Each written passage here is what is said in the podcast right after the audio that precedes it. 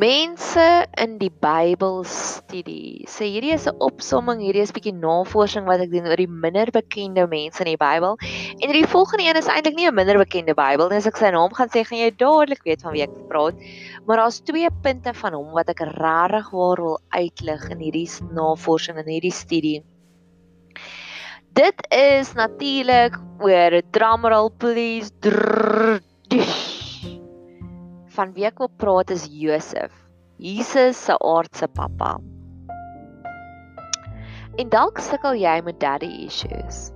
En Jesus het op 'n stadium, ek seker of van hy het vir Josef gesê, "Pa, pappa," maar op 'n stadium wanneer hy begin in sy bediening staan, noem hy God sy Vader.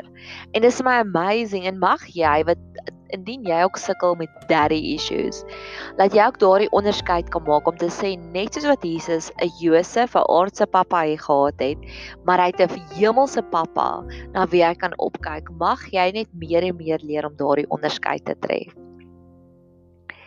En die, dit was net sommer so kantnota. Die eerste ding wat ek vir jou wil vertel van Josef wat ek love van die hele Josef verhaal Maria kom na Josef toe en hy sê en sy sê vir Josef: "Josef, ons het nou 'n probleem. Ek is swanger. Ek beloof jy ek's nog 'n maag. Dit was die Heilige Gees." En Josef kyk na haar en hy sê vir haar: "Wat? Waarvan praat jy?" En hy besluit daar om die verloving te breek. En kort daarna stuur God 'n engel om so 'n bietjie met Josef te kom raas en Josef besef, oh, "My vrou Koe was reg" en hy gaan terug na haar en hy sê vir, "Weet jy wat? Ek is jammer en ons gaan aan." Nou dis een van my gunsteling gebede wat ek al oor en oor en oor gebid het. Wanneer ek voel iemand het my 'n bietjie ingedoen of ek is oorbeoordeel of wat ook al die situasie is.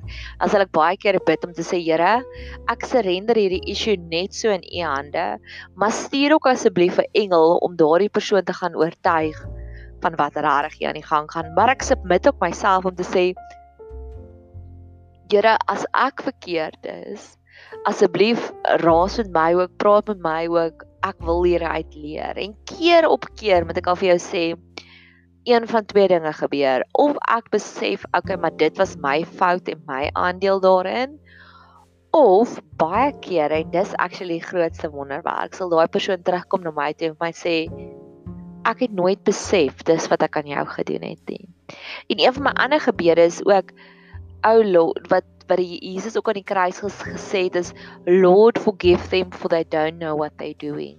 En baie kere maak mense ons seer. Hulle doen dinge, hulle sê dinge en hulle besef nie dis wat hulle aan ons doen nie. En baie kere sal ek dit sê, Here vergewe hulle want hulle weet nie wat hulle doen nie. So ek wil dit ook graag voor jou voete laat neer lê. Dit maak dit net makliker om mense te vergewe. Is om te sê Here vergewe hulle want hulle weet nie wat hulle doen nie. Maar die die die ander ding, daardie wonderwerk het al met my gebeur waar mense vir my sê ek het nie besef dis wat ek kan jou doen nie. En dan sê ek soos okay. En it's amazing dan om hulle journey te hoor of iemand sal dit aan hulle doen en dan sal hulle besef maar o ja, dis wat ek gedoen het of watter ook al of hulle sal 'n gesprek hê met iemand en baie keer in films en series en reekse is daar keer op keer so 'n engel wat dan met iemand anders praat en vir hulle moet hom praat. Ek is nou weer besig om deur Grey's Anatomy te kyk. En daar's hierdie een konflik situasie tussen Meredith en en en Derek Shepherd en op 'n stadium praat iemand en Derek Shepherd is daardie verkeerde een. En dan kry hy die engel wat hom kom besoek. Een van sy kollegas praat met hom en sê vir hom, "Weet jy wat? Dit hoe jy nou tans jou vrou behandel is nie reg nie. Jy moet dit regmaak." En dis baie kere met met so gesprek. Maar ek het ook al die negatiewe gehad waar iemand anders interfereer in 'n verhouding en as die verhouding nie sterk genoeg nie. So ek bid ook gereeld vir daardie tipe beskerming want mense is beïnvloedbaar. Ons moet maar net vrede daarmee maak. Mense luister na mekaar, hulle luister na vriende. So daar kan jy ook nou berusting vind om te sê, Here, net soos wat Maria ingedoen was en Maria was onskuldig en het 'n engel gestuur om vir Josef te oortuig. Maria het nie direk na Josef toe gehardloop en hom gesê Josef, Josef asseblief doen 'n paternity test nie. Josef, Josef vat my dokter toe jy kan sien ek is nog 'n maagd. Nee, sy het niks aan daai desperate measures gedoen nie. Sy het net berus dat die Here sal iets daaromtrent doen en toe stuur die Here 'n engel. En 'n engel in die Bybel, baie keer is 'n supernatuurlike wese, maar ander kere 'n engel, as jy gaan kyk wat beteken daai woord, is 'n boodskapper.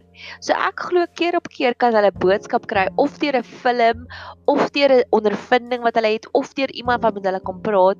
So mag jy ook bid wanneer jy ingedoen word om te sê, Here, stuur daardie engel na na u toe. Na daai persoon toe. En die tweede ding wat ek regtig voor jou voete wil kom neerlê.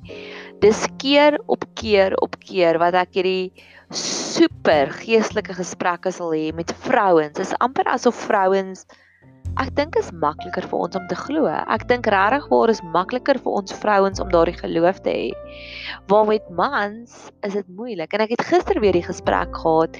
Ek het die sommetjie gaan maak met um die vorige keer wat ons as 'n land regtig bymekaar gekom het en daar oorwinning was. Ek neem aan daar was nog baie ander kere, maar was op 16 Desember 1838 het het daai 400 boere het bymekaar gekom en 400 boere en hulle het 'n gelofte afgelê en hulle het gesê Here as U ons vandag help teen hierdie duisende gaan ons so ewig en nou dink ek aan daai gelofte lied en dan gaan ons hom sommer nou luister. Wat hulle dit saam wat hulle daai gelofte afgelê het om te sê ons sal elke jaar hierdie jaar 'n Kers ag 'n vakansiedag hou. En ek het die sommetjies gemaak en nie dat ek sê ek wil glad nie 'n burgeroorlog voer tans nie glad nie. Dis glad nie my modus operandi nie. Ek is op soek na alternatiewe wysheid van hoe ons al die dinge kan oorwin en ons vyande raak al hoe meer. Dit is nie net meer 'n virus nie.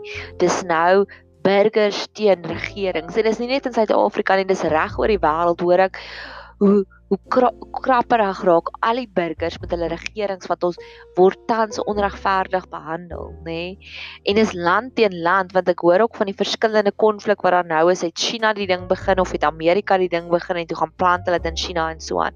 Sodat die vyandskap groei so dieper ons wat ons ingroei in hierdie epidemie af. Maar om terug te kom by 16 Desember 1833 met die slag van Bloedrivier was daar nou tans in Suid-Afrika die wit mense is 10% en die res ja, kan jy 'n sommetjie maak nê. So ons is 10%. Op daar en nie weer eens ek stook glad nie 'n oorlog aan nie. Al wat ek het aanstook is om te sê Suid-Afrika kan ons weer saam staan as 'n nasie en saam bid vir God asseblief en saam staan. Hulle was 400 pioniers word hulle genoem op Wikipedia. Met ander woorde, hulle was nie soldate nie. Hulle was 400 mense wat getravel het oor die Drakensberge, Kaalvoet. Kom ons maak dit nog meer romanties. 400 reisigers. Reisigers, travelers, explorers. Hulle was nie soldate nie versus 15000 Zulu soldate. So die Zulu kamp was so groot, kom ons sê hulle was omtrent 70000. So hulle het in daai in daardie organisasie het hulle gesê, "Goed, jy's 'n soldaat, jy's 'n boer." So al die boere, al die Zulu boere het by die huis gebly en hulle het net die soldate gestuur, net die weermag gestuur om te veg. En hulle weermag was 15000 teen 400 boere. Ek meen hulle getalle was outnumbered en hulle kwalifikasies was outnumbered. Dis so goed soos vandag is ons, ek is 'n Montigenis. So ek werk vir tandarts. Dis so goed soos ek en my tandarts en my buurman is 'n IT tegnikus en hy en dan my ander buurman is 'n is 'n prokureur en ons besluit ons staan op teen die weermag. Ek meen dis onwaarskynlik dat ons gaan wen want die weermag is fiks. Ek werk in Littleton so ek sien gereeld hoe draf die weermag verby ons. Hulle oefen, hulle verstaan waar ons dag tot dag bestaan uit uit tandjies skoon maak, uit tande vul. Verstaan dit was outnumbered op soveel vlakke. En op daardie stadium wat toe gebeur het is hulle het gebid. So hulle was en dan wil ek ook vir die getalle sê ek het nou-nou gesê 10% wit is hier in Suid-Afrika tans.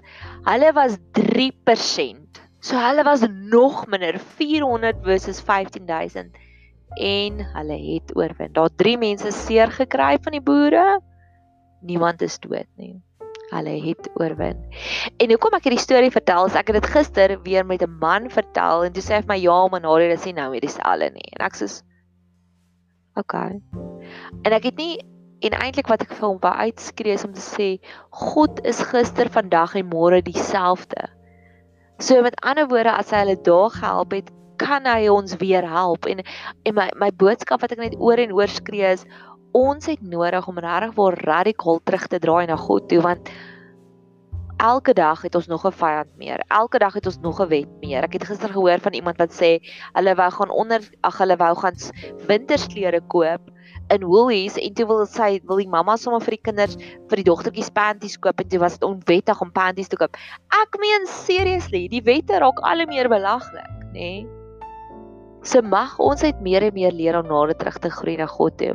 En hoekom ek hierdie hele lang storie vertel is ek wil graag hê die Here met engele stuur na al hierdie mans toe wat so ongelowig gestaan om te sê U het ons gehelp 16 Desember 1838 en ek weet U kan ons weer help as ons saam staan. En die laaste ding wat vir my uitstaan met die Josef geval was die feit hoe God die mees onwaarskynlikste voertuig gebruik het om vir Jesus die huis te wees. Het jy al gedink hoeveel makliker sou Jesus se lewe gewees het as hy die kind was van 'n Fariseer? Maar dan kon die pappa gesê het vir almal anders moenie hom doodmaak nie. Hy het gekom en Jesus kon gaan kies het, glo ek, voor sy geboorte waar wil jy gebore wees? En Jesus het die moeilikste keuse gemaak. Het die moeilikste plek gekies. Ek dink hy het so gekyk en toe dink hy soos as mens poker speel, wat se hand is die mees onwaarskynlikste dat jy wen? En ek dink Jesus het die mees onwaarskynlikste hand gekies. Daar was hande met 'n ace en 'n king in. Daar was hande met twee sewes in en daar was 'n hand met 'n 2 en 'n 3 in. En hy het gesê, "Gee my die hand met die 2 en die 3 in. Ek wil die hand hê wat die mees onwaarskynlikste is." Josef was 'n skrynwerker Met ander woorde op daardie stadium was jou VIP keuse as jy die beste was en die slimste was en die oulikste was, was jy 'n fariseer, was jy ingeskryf in 'n fariseer of in die skrifgeleerde skool. En dan al die losers en dropouts, hulle het hulle het uh skrynwerkers geword, hulle het vissermanne geword, hulle het boere geword. Dit was al die losers en dropouts wat daai tipe van werk gekry het.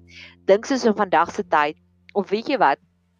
Ek het in 'n myn dorpie groot geword en op daai en daar waar ek groot geword het in Welkom was daar ook hierdie klasse. As jy iets gemaak het van jou lewe, was jy 'n professionele mens. Jy was 'n prokureur, jy was 'n dokter, jy was 'n dominee, wat ook al dit was, nê.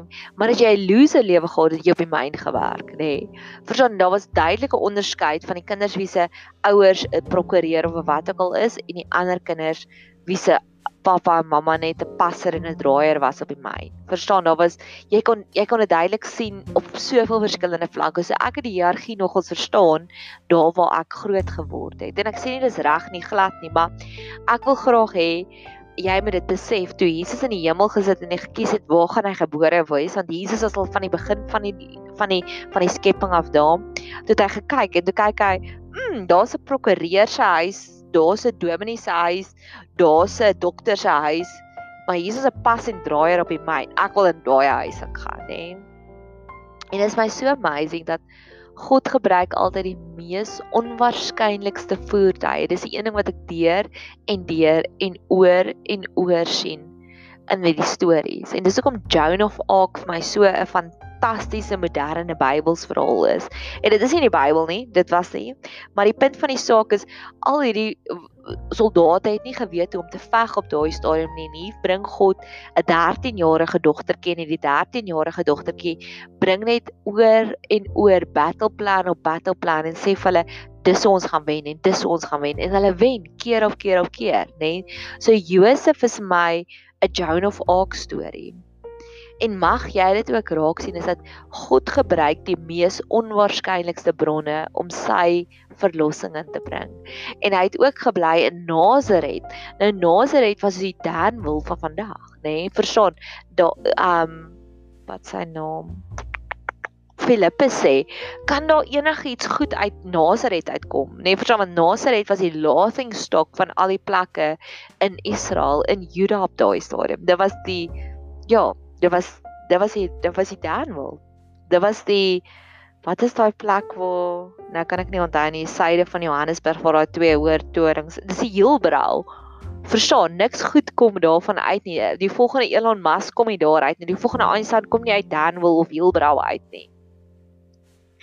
Ek het verlede week het, het toe dit nog wettig was om kospakkies te gaan afdeel. Laai laat ek net gou-gou dit sê om net polities korrek te wees. ja, ek kan nie oor daai feit kom nie. Dit ons agter 'n Taz aangery het, 'n klein rooi Taz. En hierdie Taz het agter in sy bak, sy bak was nie eers toe nie want daar was hoel baie daarop en daar was hoel baie, I think it is hoel baie hay bales hooi hooibale bo op die dak vasgemaak, nê. Nee, en hierdie tas het soos 40 km/h gery, wat ek dink ek kan vinniger ry as gevolg van windweerstand nie. En dit het my laat dink, dis hoe God werk. Want daai hooibale gaan nou afgelewer word en die perd of die bees of die donkie gaan gaan heeltemal te lekker eet. En daai perd of daai bees of daai donkie gaan net sy neus optrek omdat dit afgelewer is in 'n rooi klein tas nie wat waarskynlik 30 jaar oud is nie. Nee, hy gaan te lekker eet. En ek dink soveel kere sien ons die rooi klein tas wat 30 jaar oud is en ons besluit, nee, wat ek gaan my neus optrek daarvoor. En mag ons nie so wees nie, want dis wat Josef, Jesus se pappa vir ons geleer het. Mag jy 'n super geseënde dag hê verder.